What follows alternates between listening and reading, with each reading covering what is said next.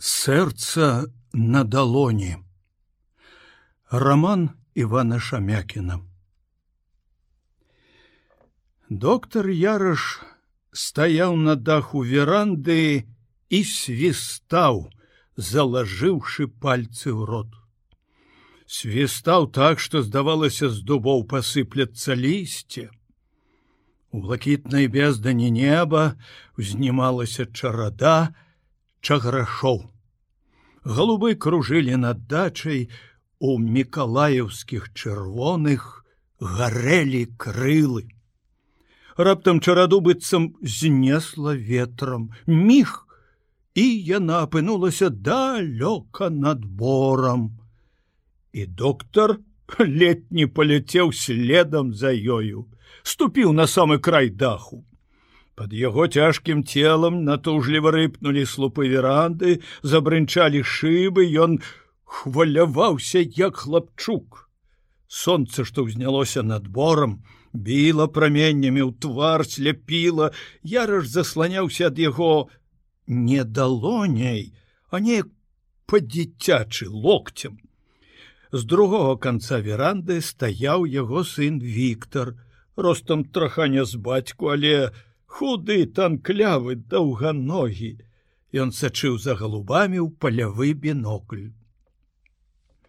Ля калодзежа сядзелі на лаўцы жанчыны. Іх цікавілі не галубы а галубятнікі. Смешна. Як дзіця. Цэлы дзень можа ганяць галубоў быццам з дакором але ў той жа час за мілаваннем да мужа сказала галіна адамаўна А я люблю людзей, якія могуць вось так захапляцца, адказала Валентина Андреевна, не зводзячы вачэй з яраша. О, я прыраўную валя, сказала жартам і сама ж адчула, як трывожна ёкнула з сэрца, зачырванелася. Валентина Андреевна ўбачыла гэтую чырвань на яе шчоках і адвярнулася ад веранды. Яна добра ведала сваю сяброўку яе хваравітую падазронасць.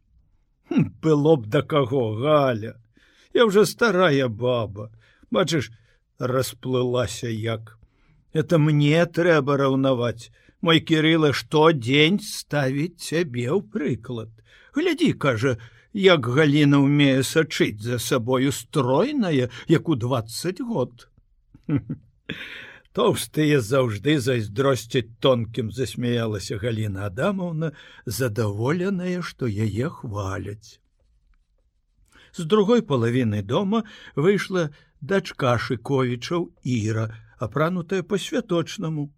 У яркую расклёшаную спадніцу, белую кофтачку, белыя басаножкі, гэтае лёгкае адзенне пасавала і да яе стройнай постаці і да вясёлай летняй раніцы.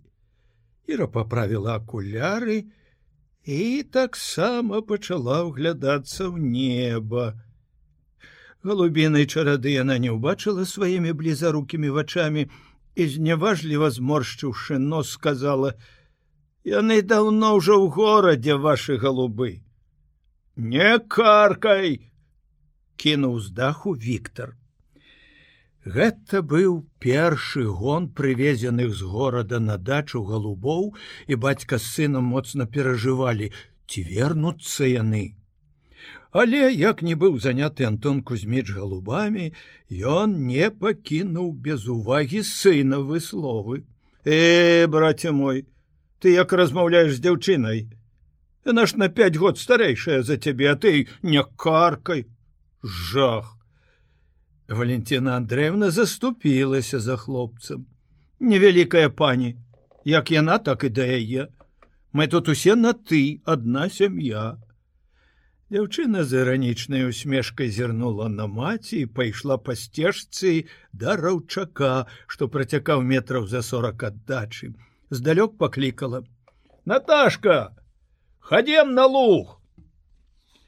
Дванаццацігадовая дачка ярашаў сядзела на падаконніку, звесіўшы ногі на дворы чытала, абыякавая да галубоў, да якіх Учора яшчэ выяўляла інтарэс і, магчыма, зацікавіцца заўтра. Але сёння ёй было не да галубоў. Усю раніцу чытала яна прыгоды Яглюберы фіна і ўвесь час рагатала, стукаючы ад захаплення пяткамі па сцяне.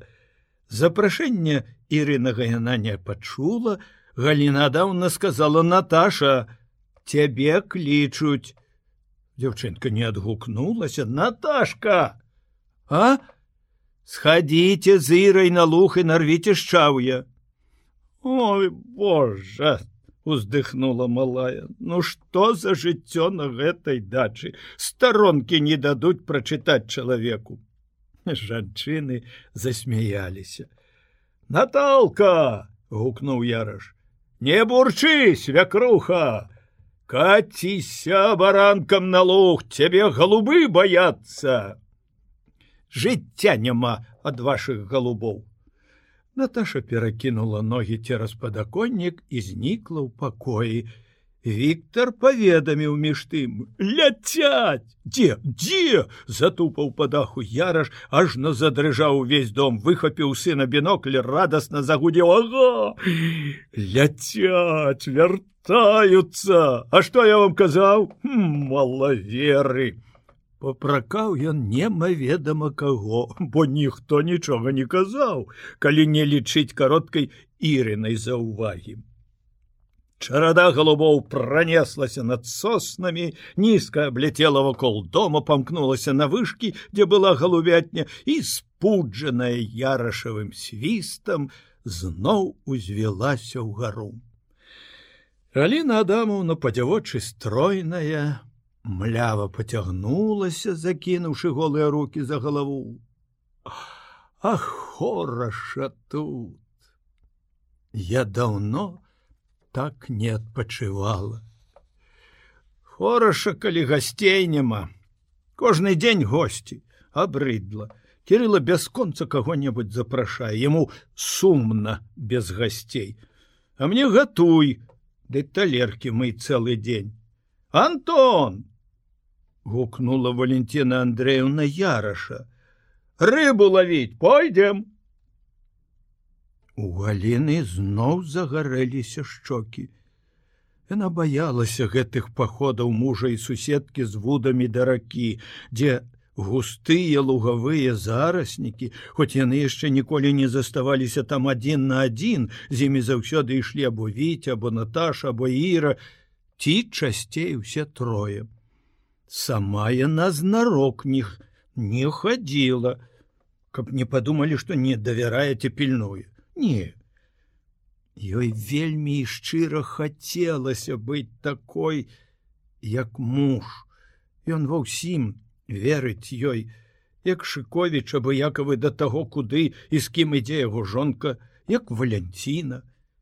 Хочацца.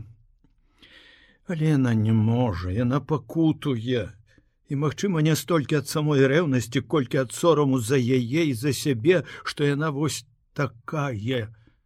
Не як другія. Але каб ён быў не такі яе антон.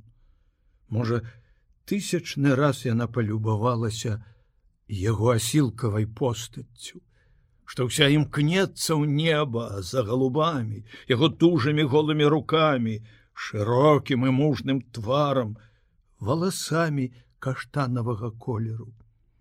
Яна не ведае больш прыгожых валасоў. Дурні тыя, хто кажа, што доктар Ярыш трохі рудаваты.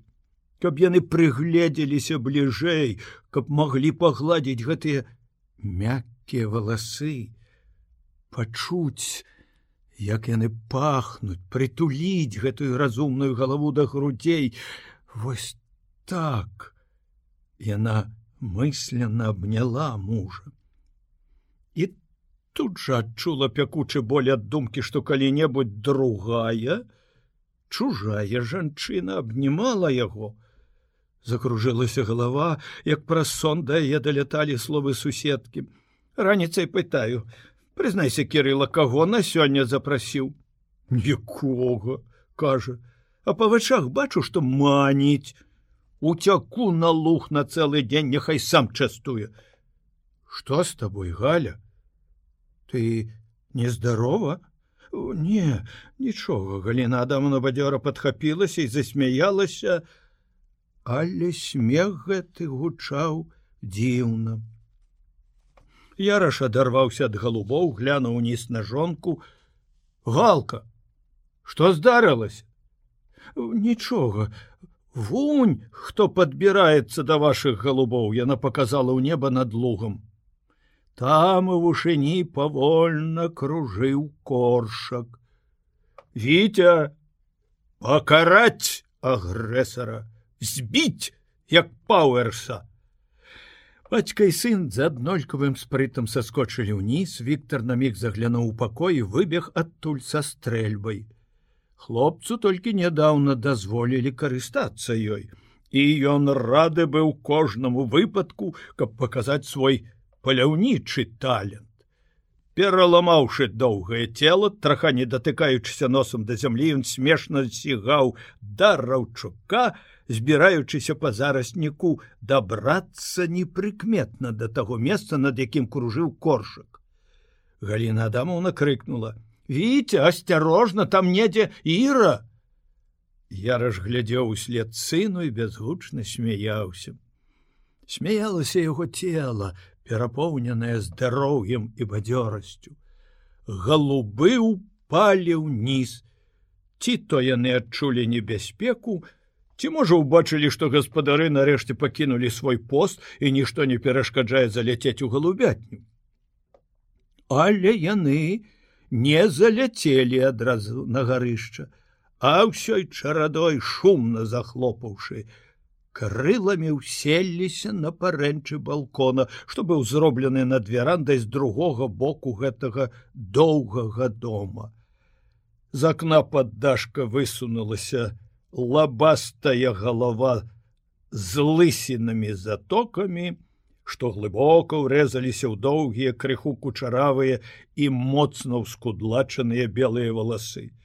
Што вас за гармідар такі? спытаў Шковіч, бліснуўшы залатым зубам. Не даеце чалавеку попрацаваць спакойна.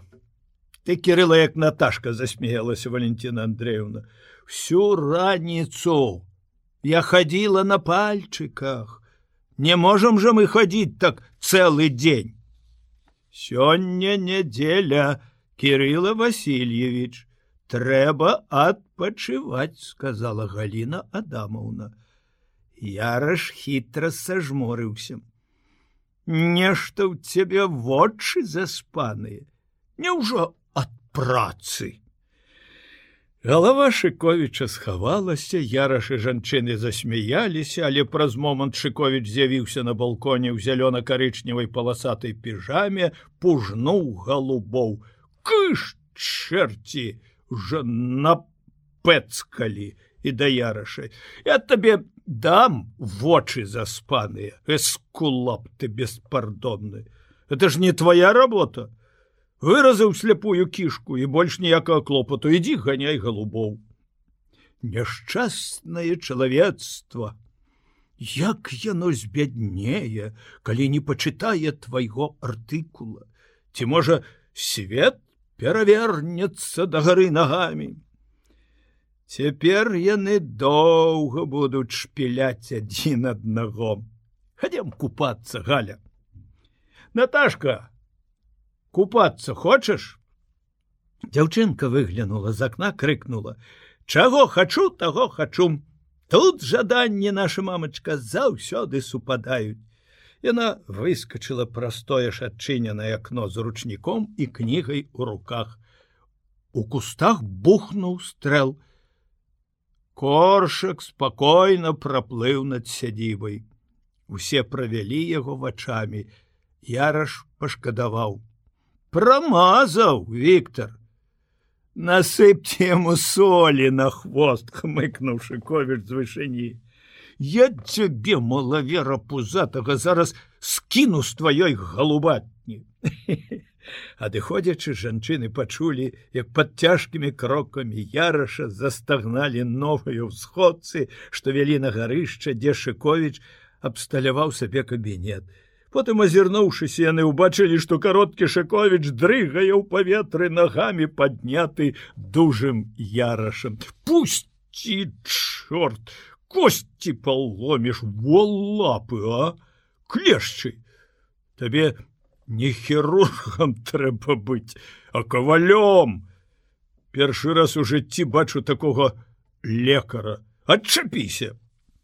Задыхаўшыся Шговіч выслізнуў з ярашавых рук і адкаціўся на другі бок балкона. Валя прасіла штодзень размінаць цябе. Глядзіў тебе адразу знік заспаны выгляд. Ха -ха, Валя выдумае, а сама лянуецца зарадку рабіць. Я хоць што раніцы паўгадзіны нагамі дрыгаю, вось именно дрыгаеш, малакарэсці ад тваёй зарадкі. Яраш наблізіўся і стаў поплеч, ён быў вышэйшы на цэлую галаву. У горадзе калены гулялі разам, на іх з усмешкамі азіраліся, а сябры жартавалі з іх і расказвалі анекдоты але гэта не шкодзіла іх дружбе. Хвіліну яны моўчкі глядзелі на луг, дзе паміж кустоў мільгалі стракатыя халаты іх жонак і Наташы. Жанчыны ішлі да дубоў, за якімі скрылася тысячамі сонцаў, даўгаватая люстра вады. Гэта старыца ракі, самой ракі не відаць. У незапомныя часы яна адступіла ад лесу на добры кіламетр введён толькі чырвоны слуп ліхтара на беразе.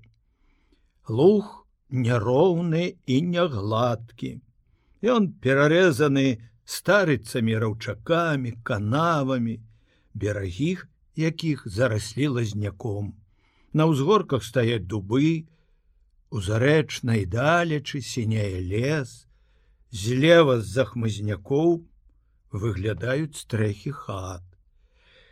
Але все одно нідзе, нават у самым шырокім полі, няма такога адчування прасторы і неабсяжнасці, як тут, асабліва калі глядзець вось такой вышыні. Дзіўна, што неба тут таксама здаецца вышэй, чым дзе ў іншым месцы. І бачыш усё адразу зялёную зямлю і блакітнае неба і ваду. Няхай мала яе, але яна адлюстроўвае ўсё, неба і дубы. А павярніся назад і ўбачыш яшчэ адно дзіва прыроды.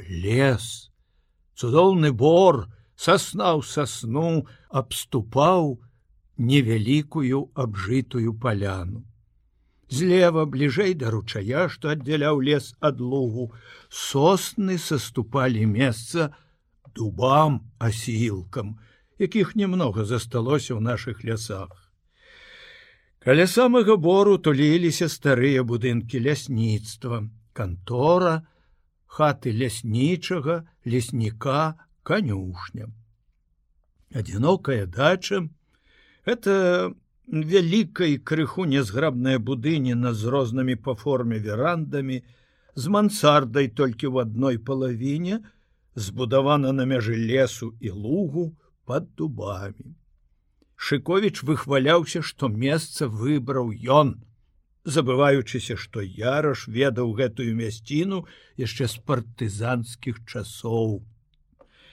шыковіч стаў на пальчыкі Пацягнуўся, падняўшы руки, глыбока ўдыхнуў паветра. Яму хацелася сказаць каторы раз эх, які маляўнічы куток, Рыўера. Ухвалі мой густ ты, эскулап. Але на гэты раз ён знайшоў іншую форму. Здаецца, што тут нават паветра больш, чым дзе. А якое небо, а? Больш кіслароду, для мяне паветра, для тебя кісларод.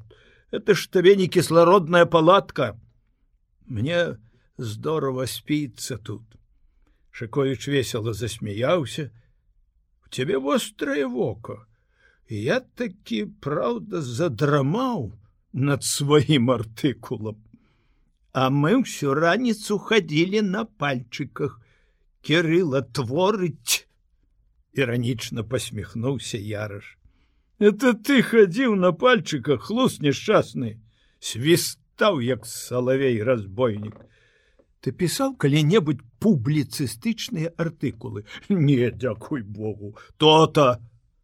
Гэта пакута асабліва на заказаную тэму скажи у тебе было калі ты хочаш зрабіць лепш адчуваеш што можаш зрабіць а не выходзіць атрымліваецца нейкая жвачка нудная жвачка.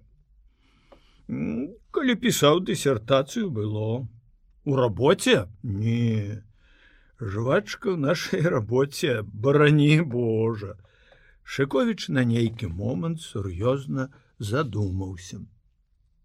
Я разумею. Відаць чым больш адказнасці тым работа цікавей. Хіба ты пішаш без адказнасці? Чорт яго ведае. Часам мне здаецца з малой адказнасцю і раптам крыкнуў. Бачыш что вясёлка маленькая вясёлка каля дуба. Відаць Наташа пырская под берагам іх не відаць а вясёлка зяе ой хораша ці не пайсці нам покупацца а? І сам сабе рашуча адказаў. Не. Трэба дапісаць гэты злашчасны артыкул. Жывіцкі спусціць з мяне тры скуры калі заўтра не здам Аднак замест таго каб пайсці працаваць шыковіч адышоў ад парэнчаў і паваліўся ўжо з лонг за салодай поцягнуўся выставіўшы з-пад піжамных штаноў валасатыя ногі даплюшчы вочы і сказаў трэба пісаць а то ж мае быць яшчэ і выпіўка. Я запрасіў госцю гукана.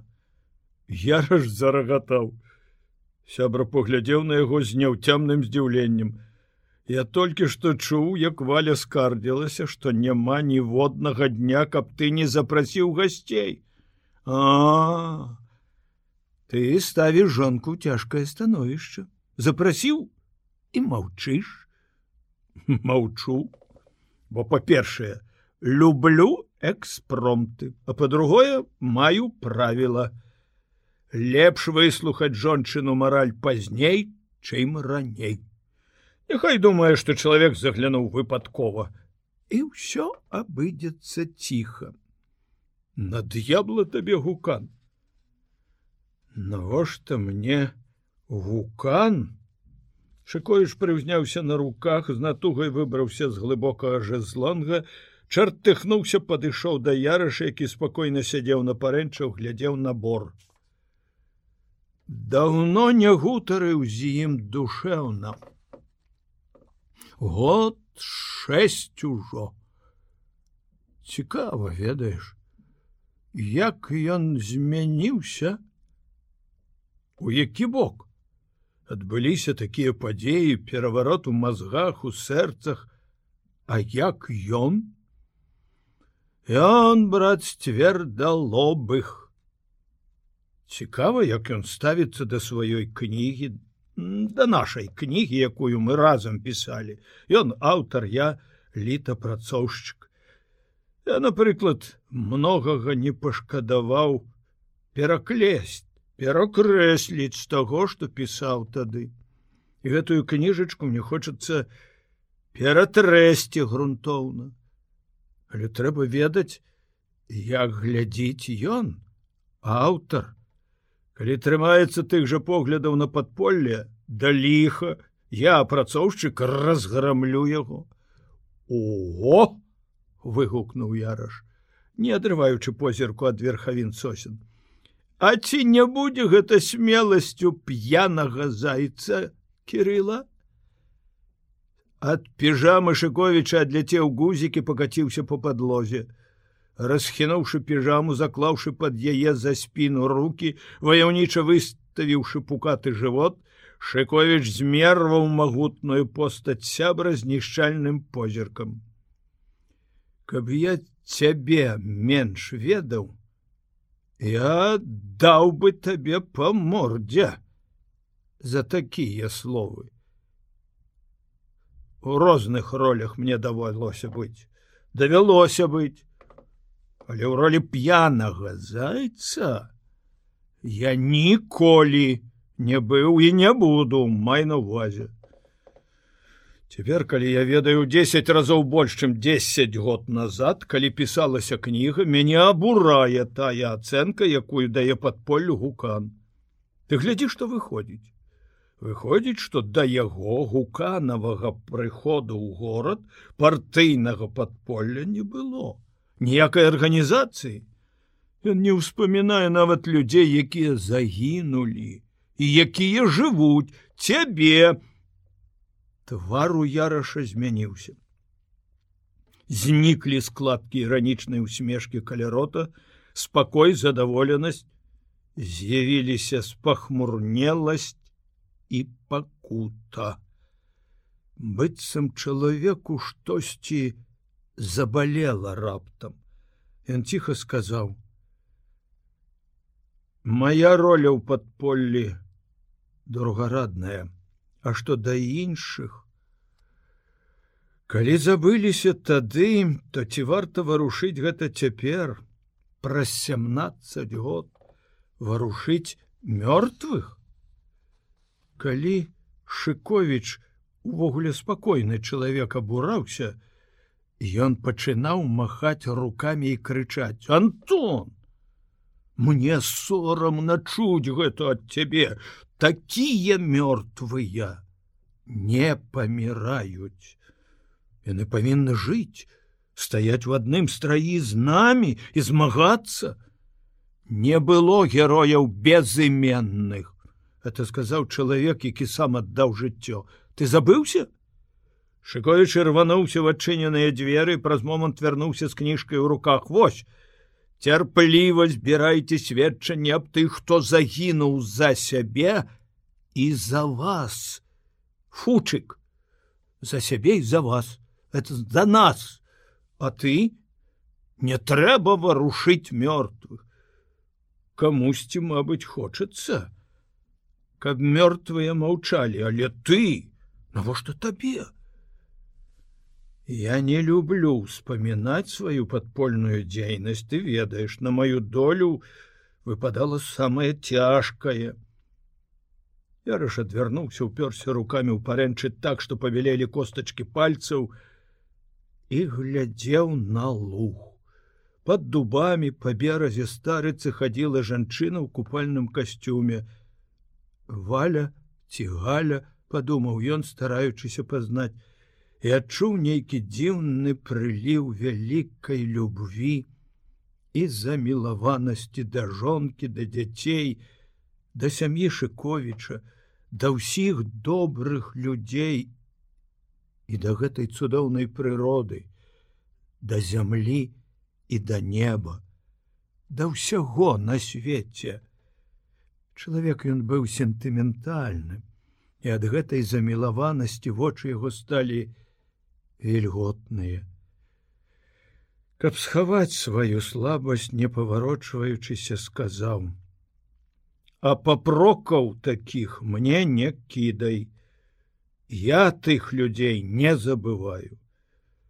Шыковіч узяў яго за плячой прымусіў павярнуцца, не забываеш? І раптам груба адштурхнуў ад цябе зноў закрычаў: « А што ты зрабіў, каб подвіг іх стаў вядомы? Каб расказаць пра іх Віктару, Ірыня Наташы, новаму пакаленню. Не кожны умее расказваць, ты умееш, Але табе перашкаджае твоя хірургія ну ведаеш у цябе гуманная прафесія ты збаўляеш людзей ад пакут і табе здаецца што гэтым ты ўзводзіш помнік сваім сябрам Ольже Няхай гэта банальна па-газетнаму, але ўрэшце нашы добрыя справы. Ну, ну, сапраўды, толькі яны могуць стаць помнікам. Добрыя справы часам рухаюцца нашим эгоізмам і самалюбствам. Я хацеў хутчэй закончыць аповесць і адмахваўся нават ад таго, каб напісаць фельетон у газету і памагчы людям. А у тебе одна дысертацыя, цяпер другая аперацыі, справы добрыя ўсе. І ты выдумаў сабе філасофію. За яе лёгка схавацца. Працуеш ты, дай Бог кожнаму, але падумай. Як было б крыўдна і несправядліва, каб напрыклад гісторыя абароны брэскай крэпасці так і засталася пахаванай под яе руінамі шыковіч неяк дзіўна бокам адкаціўся да дзвярэй стаў у іх вузкім праёме упёршыся локцямі вушакі ён гарэў жаданнем паспрачацца і не дзеля таго, каб нешта даказаць свайму апаненту, а хутчэй, каб зарадзіць распаліць самога сябе. Ён чакаў, што адкажа яраш, але яраш адчуваў праўду ў яго словах, хоць з нечым і не згаджаўся. Ды гэтае нешта нелёгка было яму адразу выказаць, бо ўвогуле ён не любіў, ды не ўмеў спрачацца. Ён сказаў пасля паўзу: Я першы напісаў, што не згодны з вашай кнігай. А пасля ў кусты так прыжмурыў свае маленькія вочки шыковіч. Яраш глыбока ўдыхнуў паветра і рушыў да яго не будь кірыла, як кажа моя Наташка разумны задам. Я вось што скажу табе.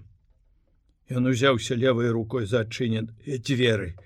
Калі гэтага гарэння ў цябе не на адзін дзень, калі ты сур'ёзна хочаш заняцца нашим подполлем,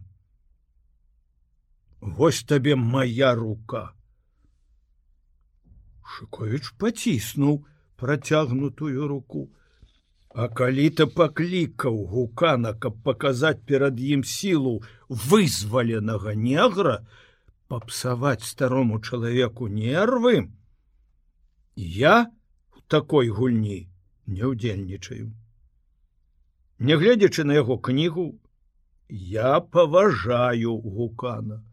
Чалавек ваяваў добра і папрацаваў, дай Бог кожнаму, як ты кажаш. Ідзі, пішы свой артыкул. Я разжартаўліва ўпіхнуў сябра у пакой.